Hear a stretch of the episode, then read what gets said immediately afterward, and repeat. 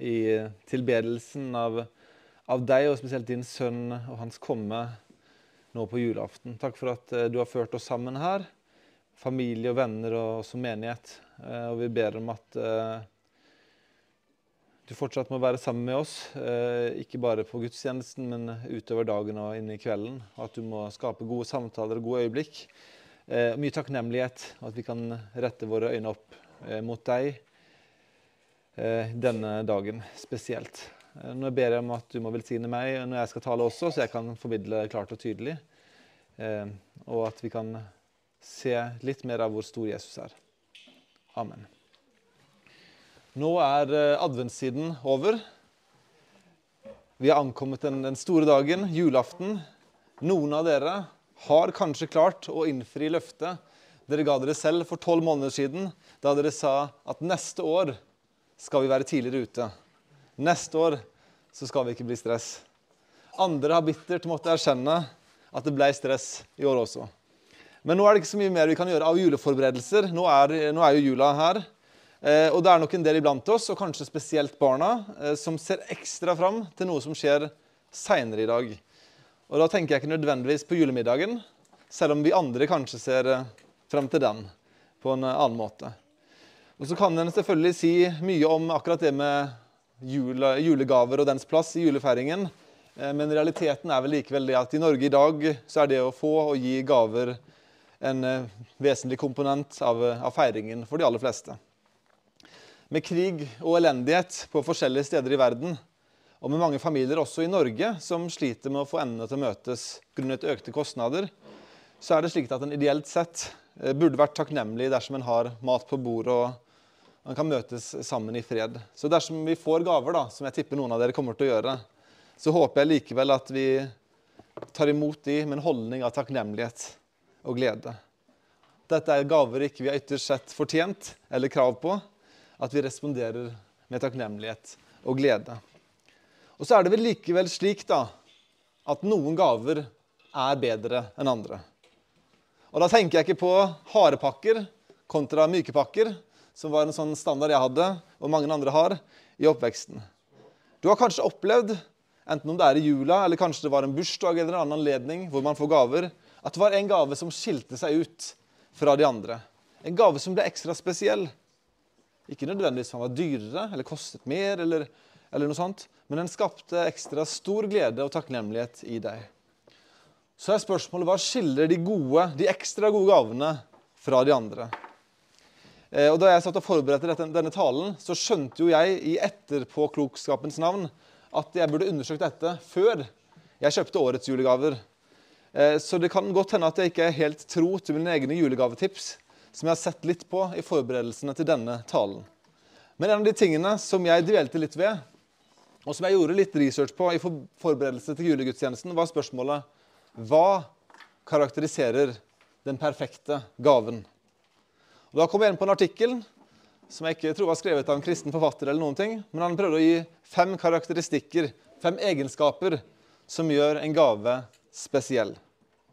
Og For de av dere som allerede nå er bekymra over at denne talen skal handle om julegaver, og ikke Jesus, kan jeg dere slappe av. Jeg kommer til poenget snart. Julen handler om at Gud sendte sin enbårne sønn Jesus til jorden for å bli menneske, leve et fullkomment liv dø på et kors, ta på seg verdens synd, overvinne døden, stå opp igjen som den førstefødte av de døde og returnere til himmelen. Det er det jula handler om. Det er initieringen av Guds frelsesplan ved å sende Jesus til jorda. Men er det likevel da noen likheter mellom den perfekte julegaven og det Gud gav til oss da han sendte Jesus? Og Det er det vi skal se på i dag, og det er liksom strukturen i disse refleksjonene om julegaven Jesus, den perfekte julegaven. Så tilbake til denne artikkelen jeg leste gjennom om den perfekte julegaven. Hva er disse karakteristikkene som, som karakteriserer den perfekte julegaven? Det første forfatteren skrev, var at julegaven må være gjennomtenkt. Forfatteren skriver de beste gavene har en tendens til å ta mye tid og forskning. En gavemottaker bør være i stand til å oppdage at du lyttet godt til deres behov. eller tenkte godt over deres ønsker før du kjøpte. Da Jesus kom til jorda for litt over 2000 år siden, så var det ikke ved en tilfeldighet. Det var ikke slik at det var en ny dag i himmelen, for å bruke jordisk terminologi, og så tenkte Gud la oss sende Jesus i dag. Nei, Jesu komme til jorden var noe som Gud hadde forutsett at vi trengte, og selv planlagt før mennesket i det hele tatt ble skapt. Det står i Fesebrevet 1, vers 4, hvor Paulus skriver om Gud. I Jesus har Han utvalgt oss før verdens grunnvoll ble lagt, for at vi skulle være hellige og ulastelige for Hans åsyn. Og i kjærlighet har Han forutbestemt oss til å få barnekår hos seg ved Jesus Kristus etter sin frie viljes råd. Altså Før til og med jorden ble skapt, himmelen og jorden ble skapt, så har Gud forutsett at mennesket skulle falle i synd. At relasjonen mellom Gud og mennesket skulle bli brutt. Slik at mennesket ikke lenger kunne leve evig, men ville dø og gå fortapt. Og Pga. dette besluttet Gud å frelse ved å sende Jesus til jorden. Gud sa til djevelen i hagen etter at han hadde fristet Adam og Eva, og de hadde falt. Han sa, 'Jeg vil sette fiendskap mellom deg og kvinnen, mellom din ett og hennes ett. Han, altså Jesus, som skulle bli født av en kvinne, skal knuse ditt hode, og du skal knuse hans sjel. Det er ingen julegave i historien som har vært like nøye planlagt enn at Jesus kom til jorden til fasta tid. Paulus skriver i Galaterbrevet kapittel 4, vers 4, da tidens fylde kom, altså den, etter den rette tid, utsendte Gud sin sønn, født av en kvinne, født under loven, for at han skulle kjøpe fri dem som var under loven, så vi skulle få barnekår. Det var ingenting tilfeldig med at Jesus ble født den første jul for over 2000 år siden. Nøye planlagt av Gud i sin frelsesplan. Og det var en gave som dekket nøyaktig det største behovet vi som mennesker hadde og har. Vi var under loven, hadde brutt den, syndet mot Gud, var under Guds dom. Men Jesus ble sendt til jorden for å kjøpe oss fri. Jesu komme den første jul var grundig gjennomtenkt. Den dekket nøyaktig de største behov som mottakerne, altså vi mennesker, har. Den andre kvaliteten, eller egenskapen, med den perfekte julegaven er at den er unik. At den er unik. Jeg pleier ikke å kjøpe en liter melk til kona til jul. Jeg kjøper det ganske ofte gjennom året ellers. og det er klart Hadde det vært veldig harde kår, kunne det vært en god gave. Men, men jeg pleier ikke å pakke den under treet og legge den der. Den ville ikke vært unik. Artikkelforfatteren skriver tidsbundne, spesifikke ting som er vanskelig å finne, fra antikviteter til de nyeste produktene vil alltid være populære. De har et element av sjeldenhet som gjør en gave mer verdifull. Dette er ikke den typen ting som man kan finne på egen hånd. Unik. Da Jesus ble født på jorden, hadde det allerede blitt født milliarder av mennesker før.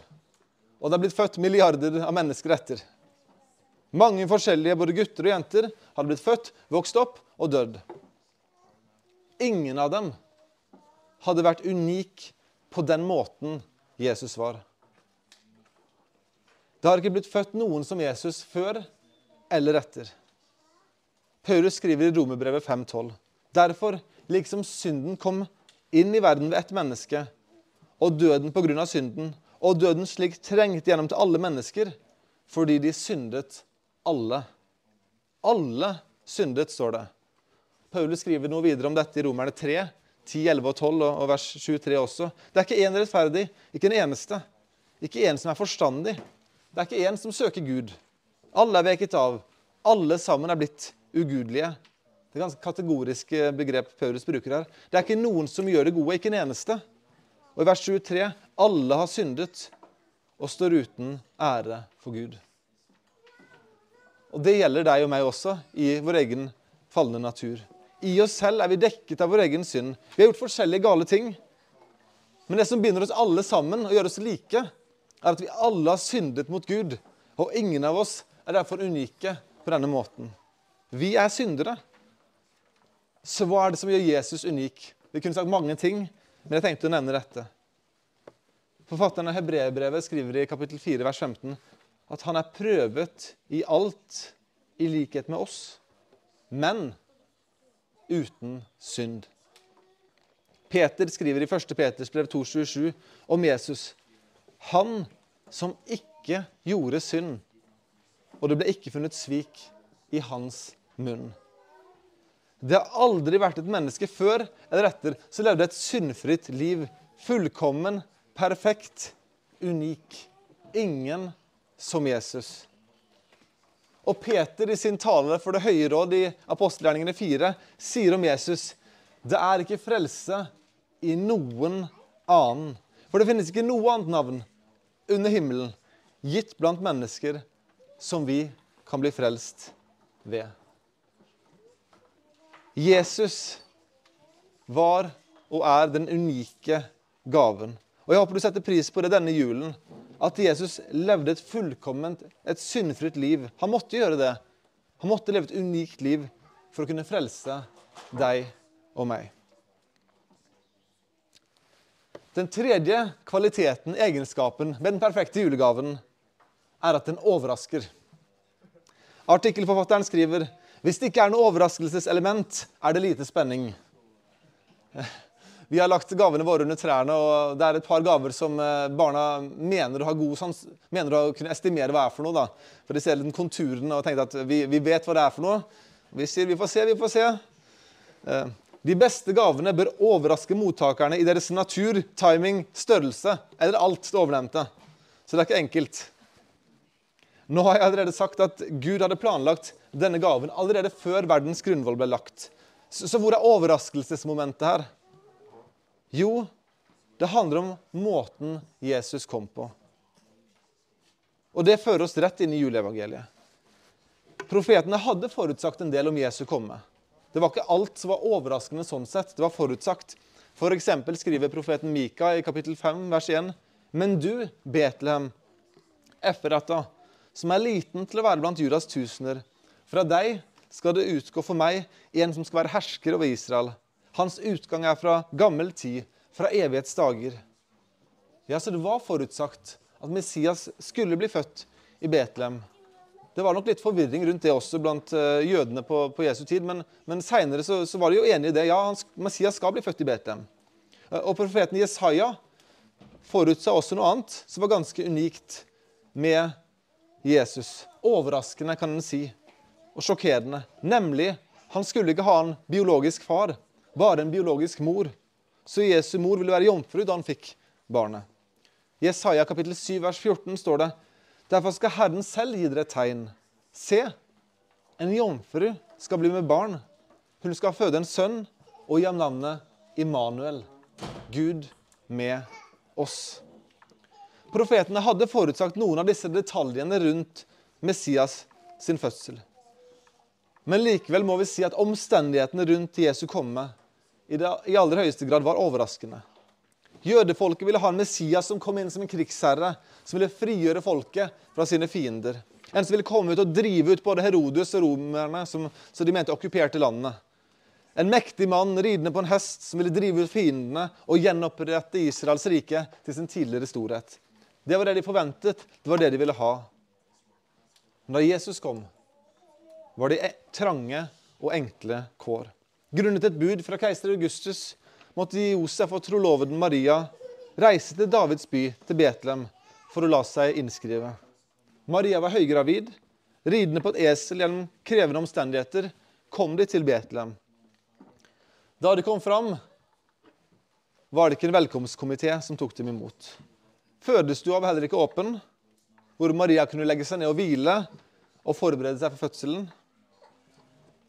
Nei, de kom fram det står i de norske oversettelsene til et herberge, men det er egentlig en feilaktig oversettelse av ordet. ordet. Det er ikke herberge som som, som er, ordet. Det er egentlig gjesterommet eller samlingsrommet. Eh, og Det betyr at de sannsynligvis kom ikke Josef til et hotell eller et motell, men han kom sannsynligvis til sin egen familie, som bodde i Betlehem. Til de som var hans eh, søskenbarn eller onkler, kanskje enda videre enn det. Han kom til sin egen familie, som var vanlig praksis. Når han besøkte en annen by, så bodde den hos sin familie. Men med all sannsynlighet grunnet en skam de følte på Maria hadde jo blitt gravid før hun hadde blitt gift. Så var de ikke velkommen til å bo i familiens gjesteværelse. De ble stuet ut med dydene. Og Det gjør det egentlig avvisningen av Jesus enda verre. Det var ikke en, en hotelleier som hadde full, ikke hadde ledige rom. Det var sannsynligvis familien som ikke ville ønske ens egne velkommen, og plasserte de heller blant tydene for å vise en viss avstand mellom dem selv og deres egen familie. Ingen var der og ventet på at Gud i mennesket skulle ankomme. Det var noen vise menn riktignok, som seinere skulle ankomme byen, fordi de hadde tolket tegnene Gud ga dem riktig. Men i Betlehem, i denne første jul, var det ingen folkefest grunnet Jesu fødsel. Så en kan si at Jesu kom til jorden uventet og overraskende for dem han kom for å frelse. Men det var noen som fikk ta del i overraskelsen. Det var noen hyrder der ute på stedet, på marken, som holdt nattevakt over sin jord. Og for å sitere Lukas.: Se, en Herrens engel sto hos dem, og Herrens herlighet lyste om dem. Og de ble meget forferdet. Altså, De ble sjokkert, og de ble veldig redde. Men engelen sa til dem, frykt ikke, for se, jeg forsyner dere en stor glede. En glede for alt folket. I dag er det født en frelser, som er Messias, Herren i Davids stad. Og dette skal dra til tegn. Dere skal finne et barn som er svøpt og ligger i en krybbe. Og med ett var det sammen med engelen en himmels hærskare som lovpriste Gud og sa:" Ære være Gud i det høyeste, og fred på jorden i mennesker Guds velbehag. Denne gaven som hadde blitt forutsagt, kom likevel overraskende på. Om hyrdene, som, og hyrdene som ikke var vel ansett i Israel, de var ganske langt i hierarkiet, kan en si.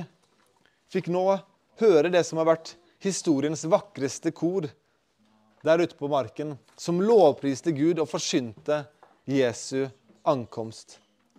Og så fikk de, altså de som var lavest nede på rangstigen i samfunnet, lov til å delta på feiringen av verdens konges fødsel. De ble overrasket, kan jeg si, sjokkert.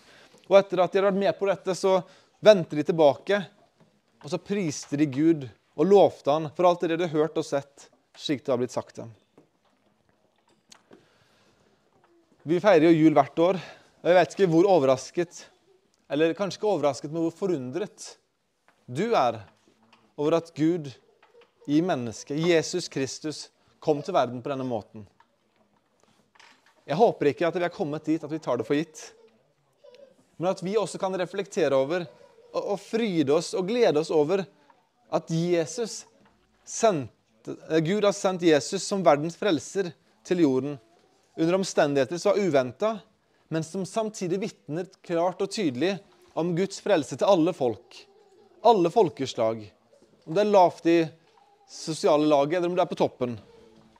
De gode nyhetene om at frelse i Jesus er til alle mennesker, også til deg som er her i dag. Du kan også få del i denne frelsen, denne gaven, om vi tror på Jesus som Herre og Frelser. Overraskende. Den fjerde egenskapen med en perfekt gave er at den er nyttig. Nyttig. Hver gang jeg kjøper gave til min far, så spør jeg hva ønsker du deg til jul i år, pappa. Og Så sier han skal tenke litt på det. Og Så går han som regel alltid til verktøykassa si eller tenker på et eller annet han kunne trengt da han skulle fikse et eller annet på hytta, eller eh, da han skulle trengt en ny hammer kanskje, etter å ha brukt den samme hammeren i 37 år, så knakk han til slutt. Eh, så det er alltid et eller annet som han trenger, som han har lyst på, som er nyttig. Han liker nyttige gaver. Det er en kombinasjon med at han er ganske forsiktig med penger også. Så, så han bruker ting til det er, eh, til det er helt oppbrukt. Denne artikkelforfatteren som jeg henviser til, skriver følgende. Utover å bare muliggjøre forbruk, bør gaven din gjøre mottakeren bedre på en eller annen måte. En nyttig gave vil være en som spiller en større og hyppigere rolle i mottakerens liv. At Jesus er nyttig for oss, har jeg kanskje allerede indikert. Vi er syndere. Jesus er unik og syndfri frelser. Hvordan er dette nyttig for oss, da? Johannes skriver i 1. Johannes brev 1,7.: Dersom vi vandrer i lyset, liksom Han er i lyset, da har vi samfunn med hverandre. Og Jesu, Hans Sønns blod, renser oss fra all synd. Jesu blod renser de som tror på Han, fra all synd. All synd. La det synke litt inn. All synd. Alt det du har gjort. Og Jeg vet ikke med deg, men listen min er ganske lang. Men så er det at alt det som kommer også, som du tenker at jeg skal ikke gjøre det igjen, og så gjør du det igjen, og du vet at du kommer til å gjøre det igjen kanskje også, hvis du er ærlig. Det er ganske mye synd igjen på lista før du legger deg i graven. Dessverre. All synd renser Jesu blod oss fra. All synd. Det du har gjort, og det du kommer til å gjøre. Og ikke bare det, som om det var lite. Det er ikke lite. Men Paulus skriver et par andre ting i 2. Korinterbrev, kapittel 5. Derfor, om noen er i Kristus, da er en, en ny skapning. Se, det gamle er forbi. Alt er blitt nytt. Vi, vi som tidligere var bundet av synden, slaver av synden, har en fordervet natur, kan nå leve nye liv i Kristus. Født på ny. En nyttig gave, sier forfatteren, gjør mottakeren bedre på en eller annen måte. Vel, Jesus gjør oss ny.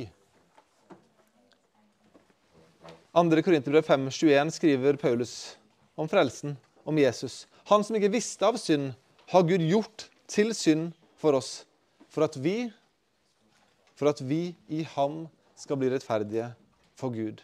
Vi som var syndere, har nå blitt forlikt med vår hellige Gud og er nå rettferdige fordi vi er i Jesus. Nyttig. Punkt fem. Meningsfull. Den perfekte gaven er også meningsfull. Artikkelforfatteren skriver de beste gavene er knyttet til minneverdige øyeblikk, anledninger, livsstadier, innvielser osv. Å bruke gaven din bør minne personen om en dypere indre eller menneskelig forbindelse. Disse forbindelsene vil gi gaven større betydning og utholdenhet. Jula minner oss om at Gud sendte sin sønn Jesus. Ikke bare og Det er ikke at det bare er ikke riktig ord, men ikke, ikke utelukkende for at han skulle dø for våre synder på et kors. Ikke utelukkende for å, for å leve et stedfortredende, fullkomment liv i vårt sted. Ikke engang bare for å gjøre oss til nye skapninger.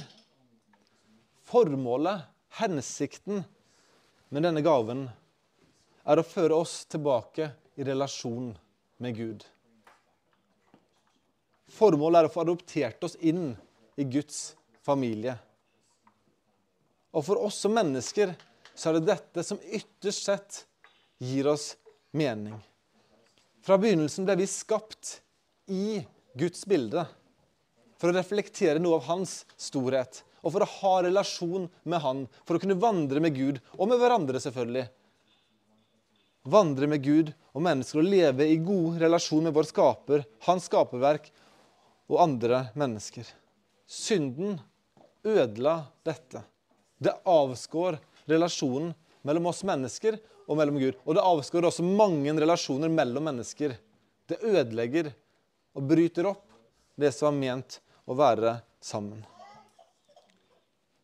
Det meningsfulle med julen er at den minner om oss om at Gud ikke vendte oss ryggen, selv om han kunne gjort det i sin rettferdighet. Hans navn skal være Immanuel, Gud med oss. Han kom for å være med oss, for at vi skulle være med han. Vi leste i barnebibelen for eh, jeg tror det var i går, om da Jesus døde på korset, og så revner forhenget i tempelet. Og så minner det oss om at nå kan mennesket tre inn i det aller helligste og ha nær relasjon med Gud pga. Jesu fullkomne frelsesverk. Og ved tro kan du og jeg få lov til å bli adoptert inn i Guds familie, og med rette bli kalt Guds barn.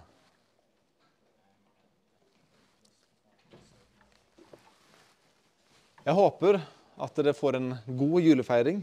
At dere ikke svir ribba, eller hva dere lager. At det blir hyggelige, og oppbyggelige samtaler rundt bordet. At dere har det godt fellesskap sammen. At gaver mottas med takknemlighet og glede. Men ikke glem den perfekte og fullkomne gaven som Jesus er. Og Jeg kjenner jo ikke alle dere, men har du ennå ikke trodd på Jesus, tatt imot denne gaven, trodd på Jesus som Herre og Frelser, så kan du ikke skikkelig feire jul før du har gjort det.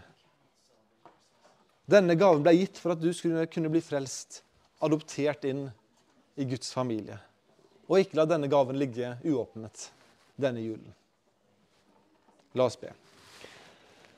Gode himmelske Far, takk for at du sendte Jesus som den perfekte og fullkomne gaven. Takk for at vi får minnes han i dag.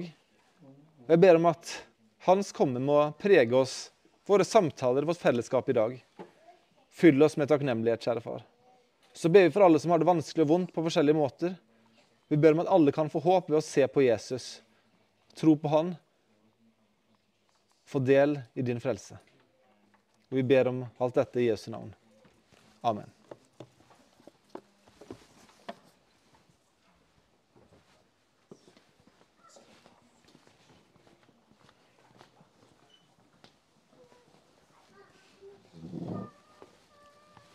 Når vi tenker på Guds gave til oss, så det gjør oss glade. Og vi skal synge 'Glade jul'.